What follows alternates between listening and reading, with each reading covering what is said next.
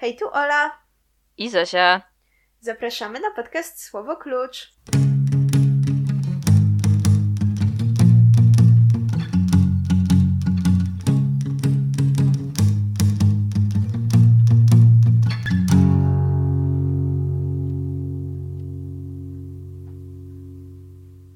W dzisiejszym odcinku sięgamy po wyjątkowo świeżą, jak na nas, pozycję, bo wydaną w Polsce w 2022 roku, czyli w zeszłym roku dopiero. Jest to Till autorstwa Daniela Kellmana, o którym to Ola opowie nam, jak to się mówi, kilka słów. Daniel Kellman urodził się w Monachium 13 stycznia 75 roku, a gdy miał 6 latek, to jego rodzina przeprowadziła się do Wiednia. E, I teraz to ja w sumie nie do końca wiem, gdzie go szukać, bo znalazłam wiele kombinacji. Zasadniczo w każdym scenariuszu dzieli swój czas pomiędzy dwa miasta, tak jak prawdziwe gwiazdy, tylko to nie są zawsze te same miasta, bo w niektórych artykułach było, że mieszka w Berlinie i w Nowym Jorku, w innych, że mieszka w Berlinie i w Wenecji, jeszcze w innych, że w Berlinie i w Londynie, jeszcze w innych, że w Londynie i w Nowym Jorku, jeszcze w innych, że w Londynie i w Wiedniu, jeszcze w innych, że w Wiedniu i w Nowym Jorku. Więc ja nie wiem, on jest chyba wszędzie. E, ewidentnie jest bardzo ruchliwy i wolny, nieposkromiony jak jego bohater. E, no i pisze dużo. Pisze dużo powieści, esejów, sztuk teatralnych, scenariuszy do filmów i ogólnie z filmami on ma sporo wspólnego, jako że jego ojciec był reżyserem telewizyjnym, a matka aktorką, tak zwane y, Nepo Baby. I jako swoich prywatnych literackich bohaterów Kellman wskazuje wielkich Niemców, takich jak Goethe czy Schiller, ale także latynoamerykańscy twórcy realizmu magicznego, co no widać w jego książce, którą omówimy dzisiaj, że rzeczywiście wpłynęli na niego i się nimi inspiruje. Um, jego najsłynniejsza powieść nazywa się Rachuba Świata i opowiada o Aleksandrze Humboldcie oraz Karlu Friedrichu Gaussie, tym, tym agencie od krzywej Gaussa, e, która nam ustawia całą edukację szkolną. E, I ta książka tak trochę rzekomo wyśmiewa niemieckie oświecenie, natomiast przez to, że jednak mówi o wielkich Niemcach, to jest lekturą szkolną i to jest takie śmieszne. To mi się skojarzyło trochę z tym, jak obowiązkową lekturą jest Ferdydurkę i potem dochodzimy do tej absurdalnej sytuacji, gdzie wszyscy uczniowie szkół omawiają w szkole obowiązkowo książkę, która śmieje się z edukacji w szkole. Więc to, to trochę coś takiego. No i wracając do, nie, do naszego pisarza, Hellman jest wielkim fanem Simpsonów i uważa, że wiele się z nich nauczył. Na przykład tego, że warto być śmiesznym. I on tak we wszystkich wywiadach z nim, które czytałam, tak podkreślał to, że niemieccy pisarze nie mają poczucia humoru, ale że on uważa, że niemieccy pisarze powinni mieć poczucie humoru i powinniśmy kupować, znaczy powinniśmy, Niemcy powinni kupować książki jakichś współczesnych prozaików, którzy zaczynają się zbierać na odwagę i wstawiać trochę żartobliwych momentów do swoich książek, bo ogólnie kultura ich zniszczyła, zniszczyła ten naród, bo jego zdaniem to jest wszystko wina wielkich Niemców, ponieważ byli oni najczęściej synami pastorów i ci wielcy Niemcy, synowie pastorów, nienawidzili żartów, bo były im nieprzystojne i teraz to żaden Niemiec nie umie się śmiać. O, i tak właśnie uważał, ale on y, się umie śmiać, a mimo wszystko jest Niemcem.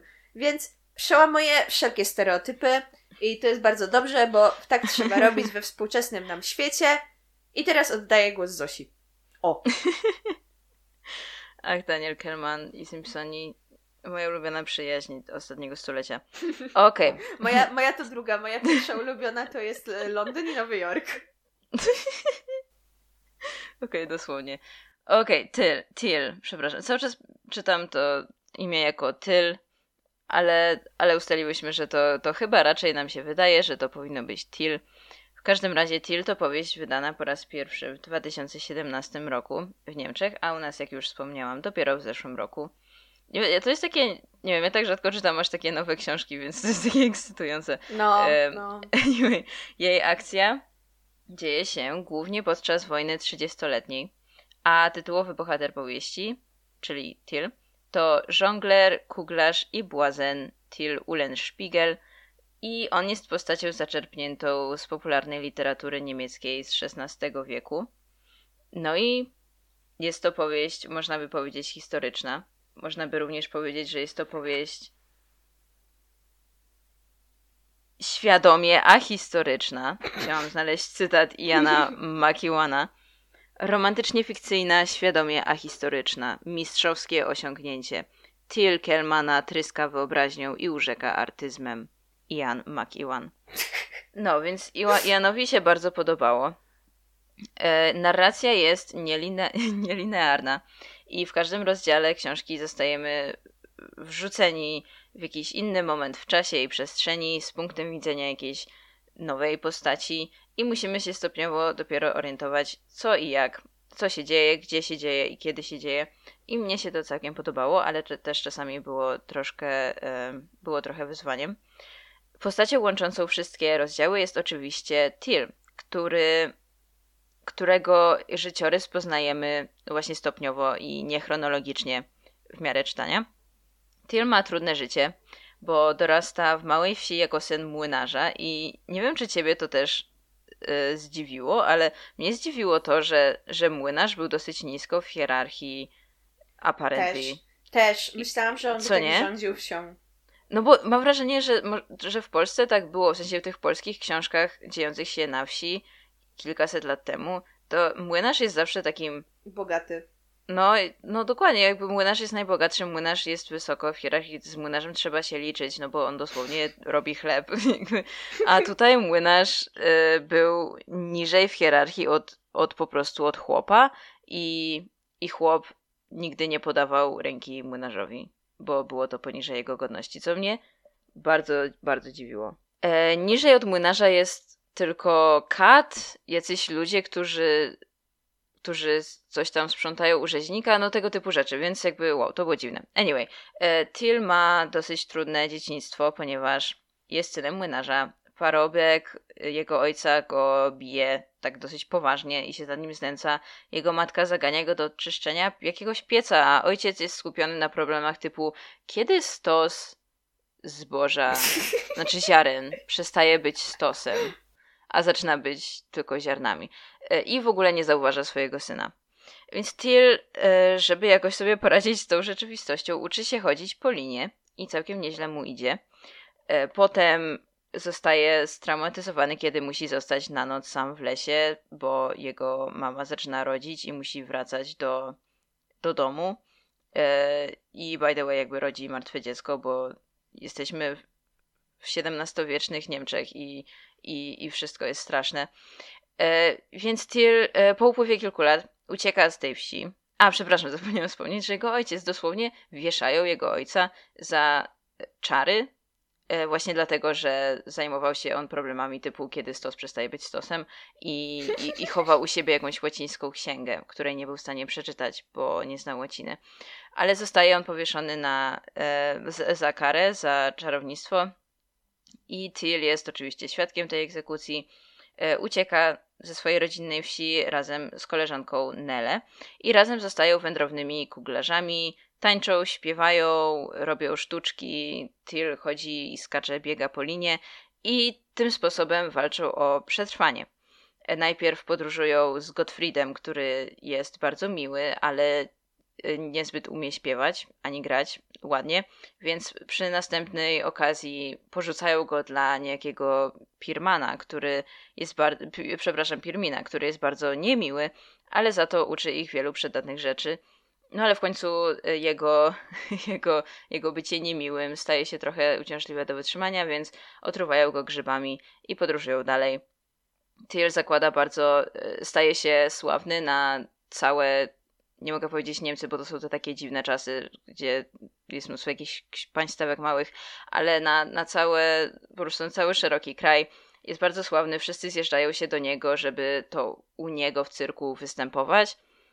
E, no ale wszystko zmienia się, kiedy Nele otrzymuje propozycję wyjścia za mąż za pana na zamku, któremu się bardzo podoba, który jest nieszczęśliwy, bo jego żona umarła, bla, bla, bla, spotyka Nele i Nele mówi Tylowi, Tylowi że, jakby, że albo teraz, albo nigdy, e, bo wie, że jeśli nie wyjdzie za mąż teraz, to taka okazja już jej się nie przytrafi i będzie po prostu wędrowną tancerką, dopóki starczy jej sił, a kiedy sił jej nie starczy, to umrze z głodu. Więc e, Tyr ucieka, basically, i piękny cyrk Tila się kończy. E, potem jego, jego losy są trochę bardziej burzliwe. Tro, trochę tak, e, jeśli brzmię jak jeśli brzmię na trochę zagubioną, jest to dlatego, że trochę, trochę jestem, e, bo o ile bardzo mi się podobało w miarę, jakby w trakcie czytania, to, że tak musimy się domyślać o co chodzi i musimy się domyślać, co Till teraz robi ze swoim życiem, to trochę nie starczyło mi siły na to, żeby to tak chronologicznie potem uporządkować jego no, życie. No, rozumiem. No, w każdym razie... To było wyzwanie. to było trochę wyzwanie, tak się zastanawiałam też, jak, czy może rozdział po rozdziale to streszczać, ale stwierdziłam, że to jednak nie ma sensu. W każdym razie to jest życie Tila. E, chodzi o, i bardzo mocny jest otwierający rozdział, w którym e, mam wrażenie, że od razu tak poznajemy, że tak gdyby wszystko że moglibyśmy wszystko wiedzieć o Tilu, tylko... Nie, czekaj, o mój Boże, jestem trochę chora, więc trudno mi mówić, ale e, jeśli byśmy wiedzieli o Tylu tylko tyle, ile jest w pierwszym rozdziale, to to... Tyle o Tylu, ha, ha, ha. Tyle o Tylu. To to by mi wystarczyło, bo poznajemy go w pierwszym rozdziale jako po prostu właśnie wędrownego kuglarza, który przyjeżdża do małej wsi, e, która jest tak bardzo odległa od wszystkiego, że nawet nie, dosz, nie dotarła tam jeszcze wojna trzydziestoletnia. I e, robi takiego małego psikusa e, miejscowej ludności, czyli no występują znele i, i tak dalej i potem e, każe im zdjąć po jednym bucie i wyrzucić je wysoko w powietrze. I no i wszyscy rzucają butami i się bardzo cieszą, po czym Tyr nagle mówi, aleście durnie, i każe im szukać swoich własnych butów. E, I śmieje się z nich, że byli tacy głupi, że no, wyrzucili w powietrze swoje własne buty i teraz nie mogą ich znaleźć. I ogólnie to, co się dzieje, to, że cała wioska bierze się za łby, bo wszyscy, nie wiem, albo próbują sobie ukraść nawzajem buty, albo no ogólnie wychodzą na wierzch wszystkie takie zamiecione pod dywan niesnaski i żale i jakaś osoba w ogóle ginie, bo wszyscy zaczynają się po prostu bić i jedna osoba ginie, y, wiele osób odnosi obrażenia i już ogólnie, no i Tyl w środku tego wszystkiego wskakuje na swój wóz ze swoimi towarzyszami i odjeżdża, a wioska, a ludzie z wioski już nigdy nie są tacy sami.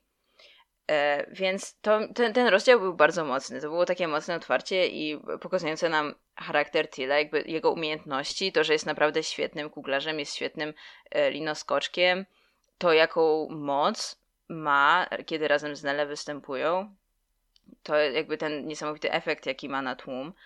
E, no i też właśnie, ale też to, że jest twardy, że jest ma, ma serce z kamienia i nie z go obchodzi, że ludzie się pobiją, a wręcz sprawia mu to przyjemność i, i, i, no i po prostu go to śmieszy. E, czyli jest takim zatwardziałym błaznem. E, jest bardzo ciekawa postać. Anyway, e, to wspomniałam, że akcja dzieje się podczas wojny 30-letniej i ja sama pamiętałam tylko, że było coś takiego, nie pamiętałam o co, o co chodziło, więc e, może powiem tylko krótko, że był to, że wojna 30-letnia e, miała miejsce w XVII wieku od 1618 do 48 roku. I chodziło w niej głównie o to, żeby w sensie jakby zainicjowały tę wojnę e, jakieś konflikty religijne między katolikami a protestantami, ale tak głównie chodziło o to, żeby osłabić potęgę Habsburgów. I po jednej stronie były kraje e, Habsburgów, czyli Austria i Hiszpania, niektóre księstwa niemieckojęzyczne i to w sumie tyle, a po stronie protestantów były Czechy, e, Dania, Szwecja i Francja, mimo że Francja była katolicka. Więc no i to jest właściwie jakby wszystko co jest potrzebne do rozumienia tej książki. A, jeszcze oprócz tego, że w książce pojawia się postać, pojawia się postacie historyczne. Tak jak wspomniałam, Tyl też jest postacią taką półhistoryczną, jest bazowany na, na postaci kuglarza z takich popularnych małych książeczek, które drukowali w Niemczech w XVII wieku. E, ale też są postacie historyczne, takie naprawdę historyczne, czyli e, Fryderyk V, król Czech, zimowy król, oraz jego żona e, Elżbieta Stuart, córka króla Jakuba VI/I.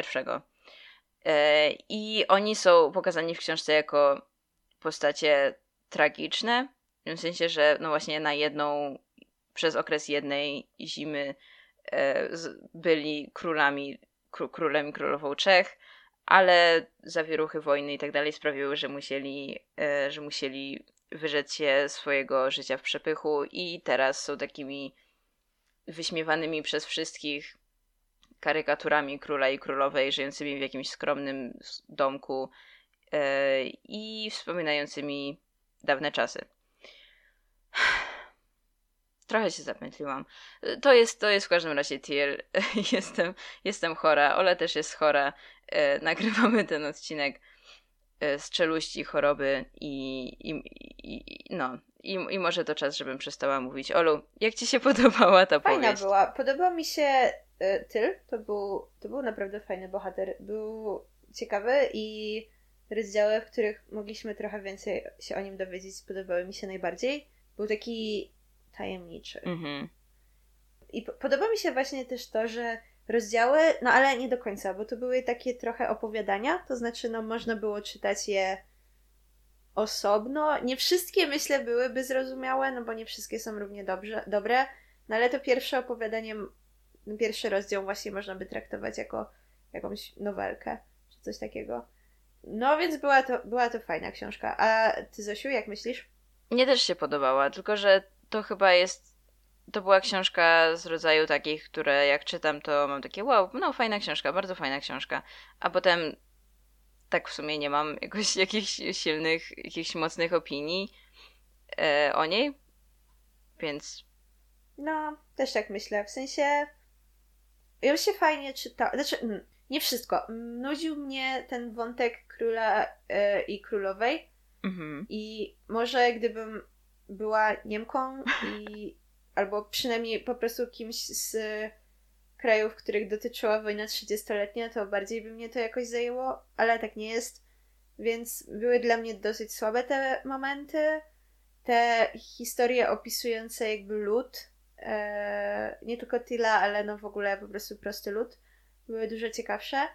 Więc te tak, no nie wciągały mnie. No ale właśnie same przygody szalonego linoskoczka były ciekawe, no tylko, że takie, że to się fajnie czytało, ale czy jest za tym jakaś większa myśl, nad którą się musiałam pochylić i przemyśleć? Chyba nie. Chyba nie, zgadzam się z tym, chociaż wydaje mi się, że to mimo wszystko jest ciekawa propozycja powie na powieść historyczną, jakby, że ciekawe... Tak, sposób, że jakby coś zupełnie odmiennego od, od linearności jakiegoś potopu czy czegoś, że tutaj to jest taka no jakby faj, fajna była ta, ten, ten, fajny był ten pomysł na strukturę po prostu i też na to, że yy, że jakby hmm, ten, ten, ta historyczność i ahistoryczność się fajnie przeplatały moim zdaniem. I w ogóle a propos właśnie postaci historycznych i niehistorycznych, tam jest taki jeden bohater, ten ten y, ksiądz Kirsier, jezuita. Mhm. I on, on jest, okazuje się, prawdziwym człowiekiem. Naprawdę ktoś o. taki był. A to była taka, taka śmieszna postać, w sensie on był taki creepy, ale on był tak dobrze zobrazowany, w sensie całe te jego wywody były naprawdę tak intensywnie jezuickie. Na przykład on coś tam mówi, że krew ślimaka nie leczy zarazy, więc to jest oczywisty dowód na to, że krew smoka wyleczy zarazę, no bo krew smoka to nie jest krew ślimaka. Jak można kłócić się z tak żelazną e, linią argumentacji? No dosłownie. Nie, cały ten więc... wątek o szukaniu smoków był dosyć zabawny rzeczywiście. No, to było mocne. Podobała mi się postać Nele, Nie wiem, jak się czyta to imię, bo ja znam dwie Niemki, które się tak nazywają i jedna się przedstawia Nele, a druga Nile, więc nie wiem.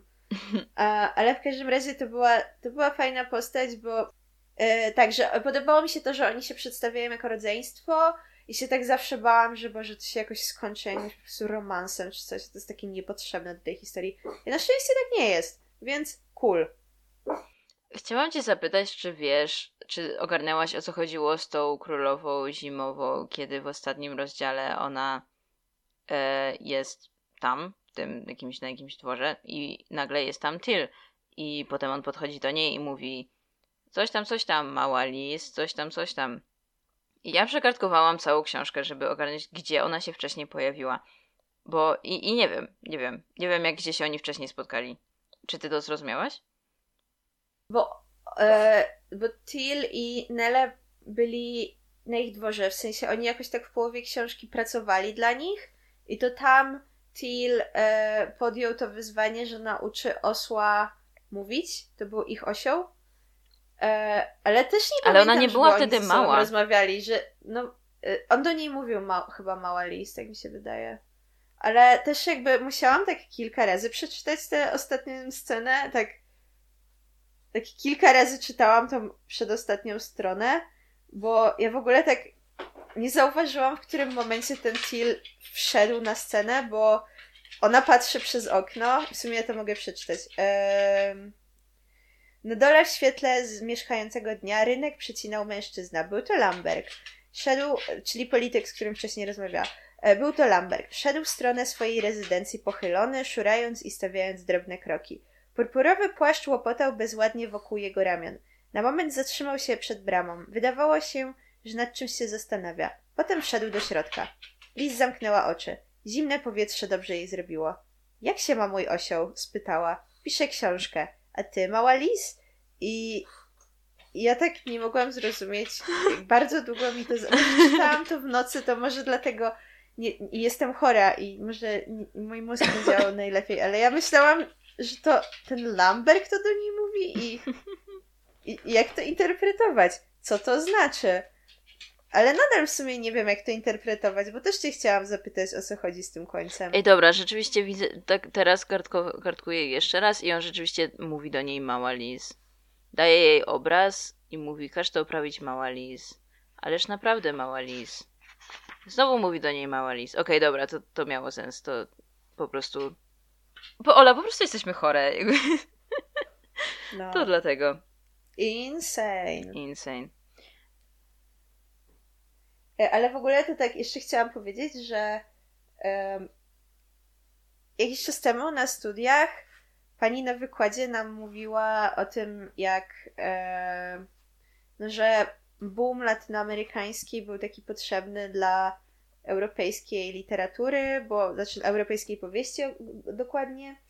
Um, bo już Europejczycy myśleli, że powieść się skończyła, a potem realizm magiczny tak dał nowy e, bodziec Mhm. do, do pisania dalej. I ja, jak ja czytałam tą książkę, to tak przypomniało mi się, przypomniała mi się ta lekcja i rzeczywiście, jakby wszystkie książki europejskie, które teraz są pisane i dostają jakieś nagrody, to one zawsze mają jakiś taki realizm magiczny, jakby nawet Agato Karczuk. Hmm. Tak, wszystkie książki, które teraz tak doceniam i teraz powstają, to to jest realizmiczne, to ciekawe. Ej, no rzeczywiście nie zauważyłam tego nigdy, ale to ma to jest bardzo ciekawe.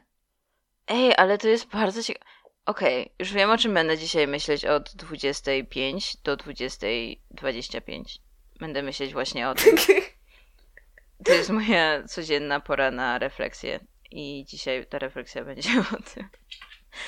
E, o realizmie magicznym. no, bo tak, I co zrobił dla literatury który, który element realizmu, znaczy który właśnie takie coś magicznie realnego było twoje ulubione w tej książce? Bo mój chyba ten osioł. Nie wiem, czy to do końca jest ten element, ale e, czy to jest bardziej coś, co uwiarygadnia tę tę powieść, ale trochę też realizm magiczny. To, że to nie jest fantazy, to jest ci ludzie naprawdę wierzą w te rzeczy. W sensie ci ludzie naprawdę wierzyli w, kiedyś w smoki, czy w czary, czy coś takiego. Mhm. I i jakby to, że mamy postacie, które mają za misję zapolować na ostatniego smoka, który wiadomo, że jest, bo tylko bo prawdziwe smoki nie dają się zobaczyć ludziom, więc jeśli nikt nigdy nie zgłaszał w tym obszarze, że jest jakiś smok, to znaczy, że on tam jest. To było takie ciekawe. Może osioł też, ale w ogóle te, y, to jaki jakby mm, udany jest ten Teal, że on naprawdę jest taki trochę czarodziejski w tym, że nie jest tylko taki wyćwiczony i w ogóle, ale jest jakaś trochę magia w, w jego działaniach. No właśnie, jakby to, to tajemnicze zdarzenie, kiedy został na noc sam w lesie i potem z osłem i potem jego ojciec go znalazł i Boże, to była taka creepy miał scena, ale na bardzo sobie głowę osła, czy tam skórę zdartą z głowy osła i osioł był jakiś poturbowany przez, no jakby przez niego, no nie? To była, to była bardzo dobra scena, prawda? Jakby zgadzam się i... To była świetnie, świetnie jakby, że coś, coś było z nim nie tak już od, od tamtej pory. Tak, no, już, już wtedy był taki naznaczony. Hmm. I to, właśnie tak jak w tych wszystkich jakichś e, realnych, magicznych elementach, oni tak przechodzą z tym do porządku dziennego trochę, w sensie potem on, nie mamy, jakoś nie wracamy do tego. Mm. Dorosły Til nie siedzi i nie mówi Nela, ja jestem jaki, taki, jaki jestem. Bo po, poczekaj, jak ci powiem, co się zdarzyło tamtej nocy Nele, w lesie. moja skóra, ona jest jak brokat w słońcu. Nele, moja skóra... Musisz o czymś wiedzieć. Ti, ile masz lat? Od jak dawno masz nie wiemy ile lat. Ja nie, nie, nie mam pojęcia tak, ile on, on właśnie mieć lat, nie, kiedy kończy Dokładnie, się my nie mamy pojęcia ile on ma lat, nie mamy, nie dostajemy żadnych informacji, jakby nie jest powiedziane, że ma jakieś zmarszczki, że jego wygląd się zmienił. Jakby on zawsze jest opisywany tylko jakby to, że jakby rysy jego typu nos i tak dalej się nie zmieniają, tylko jego ubiór się zmienia, ale on sam się jakbyś nie starzeje i kilka razy mówi o śmierci, ale mówi o niej w taki sposób, że ja nie umrę. I jakby i to, i to jest wszystko, tak. nie? I, i, I zostajemy z takim poczuciem, że, że on naprawdę nie umrze i że on naprawdę będzie, będzie żył wiecznie. To było fajne. Hmm. Nie wiem jeszcze, co o tym myślę. Potrzebuję to przedyskutować, żeby ustalić sobie opinię, ale w sumie zanim, zanim do tego przejdę, to tak szerzej. Więc tak jak Zosia mówiła, e, ten Till jest postacią być może historyczną i pochodzi z opowiadań ludowych niemieckich. E, I w Polsce też wiedziano o takim bohaterze i nazywano go Dyl Sowizdrzał, ponieważ był przedstawiany na rycinach z sową w jednej ręce i ze zwierciadłem w drugiej, a zdrzał to po staropolsku zwierciadło. I to mi się tak bardzo podoba. Znaczy, Sowizdrzał brzmi tak świetnie, mm -hmm. to, to jest tak, tak świetna nazwa. I tak żałuję, że on tutaj w tej książce ma nazwisko po prostu po niemiecku, a nie zostawili tego sobie zżała. Tylko właśnie wtedy to, to jest to, o, co, o czym chciałam powiedzieć. Ten tytuł. Wtedy tytuł Dyl byłby jakiś taki dziwny i nie taki tajemniczy i przykuwający oko jak Tyl. Ale nie wiem, czy, czy, czy ty też tak myślisz? Czy, czy w ogóle wolałabyś właśnie, żeby on się nazywał Sowizdrzał? Czy wtedy zostawić Dyl Sowizdrzał? Czy Tyl Sowizdrzał? Czy Tyl u, u coś tam. Ulenspiegel. No właśnie, to jest dosyć trudna decyzja do podjęcia, bo z jednej strony no mnie właśnie. się podobała niemieckość tej książki, bo jakby to, że, że nagle pojawia się Eichstätt i ja mam takie, o, byłam tam, albo że no, wszyscy mają niemieckie nazwiska i niektóre słowa rozpoznaję, to, to, miałam, to mi dawało frajdę. Ale Sowizrzał to jest takie dobre, jakby trochę, że on mógłby być tylem Sowizrzałem. I po prostu nie wyjaśniajmy tego, nie uzasadniajmy tego, niech to, niech, pozwólmy temu po prostu być. Wszyscy naokoło mają niemieckie nazwiska, on jeden jest Sowizdrzałem i... Tym bardziej, że i tak to jego nazwisko to było, a, był przydomek pewnie. Znaczy jego ojciec też miał tak na nazwisko. A, to, tak, to było tak, tak nazwisko. tak, tak. Okej, okay, dobra, myślałam, Nie, nie, że... był dobra. Klaus Ulenspiegel również. Okay. Ale Sowistrzał, omega, to tak dobrze brzmi. Sowistrzał. Tak, i my też mamy w Polsce, dowiedziałam się, literaturę sowizdrzalską. O. E, czyli właśnie też w, e, w XVI i XVII wieku też właśnie wydawano w Polsce takie, takie łotrzykowskie książeczki. E, I, I one właśnie, no tak samo, tak samo jak to, co my teraz czytałyśmy, to były takie humorystyczne, absurdalne, parodiowały zwłaszcza klasy wyższe. E, po prostu wszędzie karnawał e, i, i świat jest taki na opak, e, że właśnie bogaci są biedni i tak dalej, i tak dalej. Szlachta pracuje. E, często są właśnie te opowiadania jakieś takie obsceniczne. I ja chciałam przeczytać jedno z nich, ale dzisiaj jakoś strona Polona ma remont i nie da się jej otworzyć. E, ale właśnie chyba one powstały, bo ktoś przetłumaczył najpierw e, tą niemiecką historię, dlatego że pierwsza polska książka, taka sowizdżalska, nazywa się so, Sowno Ciardło, ciar, Ciardko. Znaczy też jakby sowie zwierciadełko, coś takiego. E, I się ukazała w około 1530 roku. Wydano ją w Krakowie. No i Potem już kilka lat później wydano następną i następną i następną.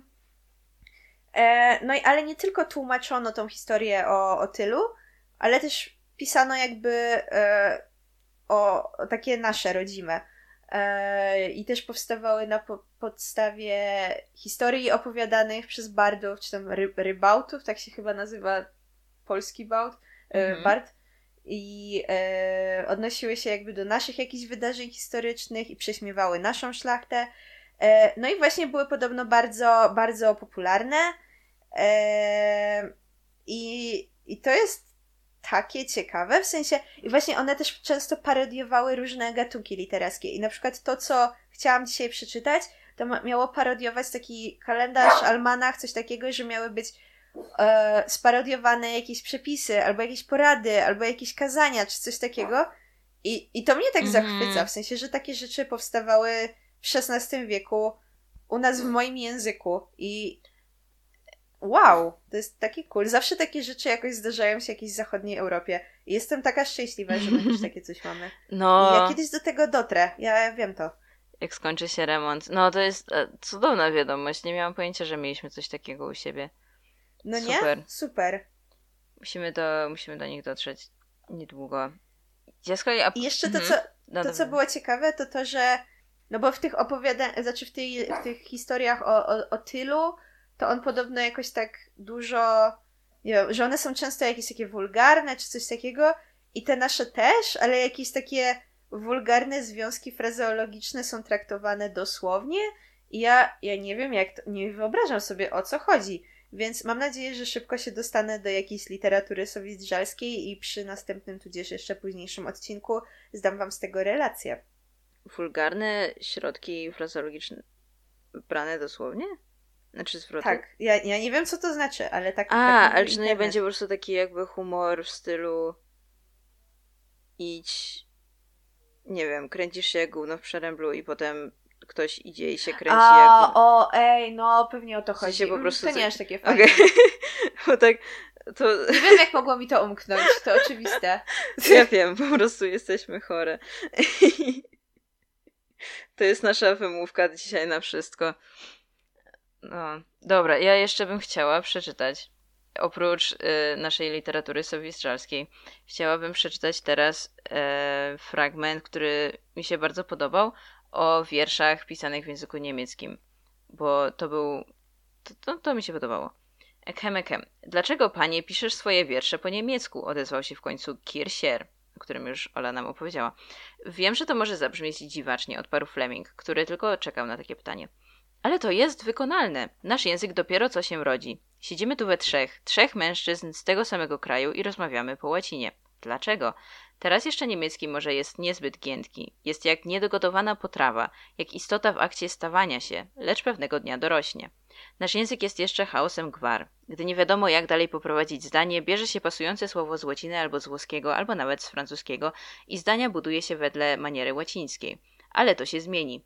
Język trzeba odżywiać i pielęgnować, trzeba mu pomóc, żeby mógł przynieść owoce. A pomóc mu znaczy układać wiersze. Kto zaczyna zdanie po niemiecku, ten powinien się zmusić, żeby powiedzieć je po niemiecku do końca. Niemcy nie gęsi i swój język mają. O! Dosłownie. To mi się podobało, bo y, jakby wydaje mi się, że już znamy ten koncept, ale no właśnie jak, jako język, językiem polskim, że mamy takie o kiedyś Mhm. się pisało tylko po łacinie w Polsce. I więc fajnie było zobaczyć też y, Niemca opisującego początki niemieckiego. No, To się, jak mi się wydaje, że tak kiedyś było. Się Daniel, mówię tu o Danielu. Daniel, mówię do ciebie. Daniel, usłysz nas. Gdziekolwiek, Gdziekolwiek jesteś. Czy w jesteś. Londynie, czy w Berlinie, czy nawet w Wiedniu. Czy w Nowym Jorku? Czy może w Nowym Jorku. Jesz pewnie bajgla. Tak, Daniel. No. No więc, o, nie wiem, u mnie to, u mnie to tyle refleksji. Fajna książka, taka, że taka, że polecam, ale nie jakoś szczególnie gorąco. Po prostu tak, tak polecam. Tak, taka, taka dobrze się będziecie bawić. No. A, w ogóle jeszcze na okładce, bo chciałam powiedzieć, że dobrze się będziecie bawić, ale nie wiem, czy aż tak się zgodzicie z tymi historiami, które są na okładce, ocenami takimi jak mroczna, głęboko ludzka powieść, albo tyl pogrąża współczesnego czytelnika w zdumiewającej, brutalnej, alternatywnej rzeczywistości, tudzież nowoczesny, żywy i bezlitosny epos. Nie, nie wiem, czy się zgodzicie z tym, ale będzie wam się podobało. No, Natomiast to, co chciałam jeszcze powiedzieć, to to, że właśnie na tej okładce jest także napisane, że Netflix stworzy serial o niej, o tej książce. tak. I że to będą twórcy tego serialu Dark, którzy go zrobią. No więc nie wiem, czy I wiecie to od nas. O, wspomnijcie nasze słowa, kiedy będziecie streamować Tila na Netflixie. tak. Strumieniować. Jezu, ja tak... Coś we mnie umiera za każdym razem, gdy otwieram App Store i App Store mi poleca aplikację do strumieniowania. O, nie dziwię ci się, że umierasz. Alu, Olu, powiedz, jak, jakie jest twoje słowo klucz tym oto tygodniu? Moje słowo klucz to sprytek. Uuu, Taki styla sprytek. Myślałam w ogóle, żeby po prostu. Chciałam, żeby on tyl był moim słowem kluczem, ale w sensie nie jego imię, tylko to, czym on jest. I tak myślałam: błazen, żonglarz, stańczyk, figlarz. I uznałam po prostu sprytek. Bo on, nawet gdyby nie umiał żonglować i chodzić po linie, to ja myślę, że byłaby mu pisana wielkość, tylko po prostu wielkość w takim formacie małej wsi, w jakimś Rozumiem, XVII wieku. rozumiem. E, ale był, był fajnym bohaterem. Taki był żywy, energiczny i taki złośliwy trochę, jak taki duszek. I to było fajne, że on był często w tle, mimo że jest głównym bohaterem, no nie? To, to był dobry Tak. zabieg. Myślę, że To no. było bardzo fajne. To, to mi się bardzo podobało też. Yy, sprytek więc. Zosiu, a, a twoje słowo klucz? Nice. Moje słowo klucz to przetrwanie, bo Nice. to było takie smutne. Oni wszyscy tam po prostu walczyli o przetrwanie. I to było, i Nele cały czas mówiła, że no, nie chciałam wyjść za piekarz, za syna piekarza i, i rodzić dzieci do końca życia, a potem, nie wiem, prać bieliznę. No więc uciekłam i teraz muszę zarabiać siłą mięśni na chleb i, i być na, nastawiona na niebezpieczeństwo cały czas, wystawiona na niebezpieczeństwo. Więc e, tak czy siak, nie wiem, ludziom się wtedy okropnie żyło i wszyscy walczyli o przetrwanie i to było I smutne. wiecie to od nas. Nie E, zapominajcie. dobra, to tyle na dzisiaj. Mamy nadzieję, że się Wam podobało. Ja wiem, że jesteśmy trochę przymulone, No. ale to sezon grypowy. Jakby otwórzcie sobie byle telewizor i Wam powiedzą, że to jest sezon grypowy. Mamy usprawiedliwienie, ale poza tym była to fajna książka. I myślę, że na tyle, na ile miałyśmy siłę, przedstawiliśmy ją bardzo entuzjastycznie. Dosłownie. Trzymajcie Do się. Pa, usłyszenia. pa. I nie chorujcie.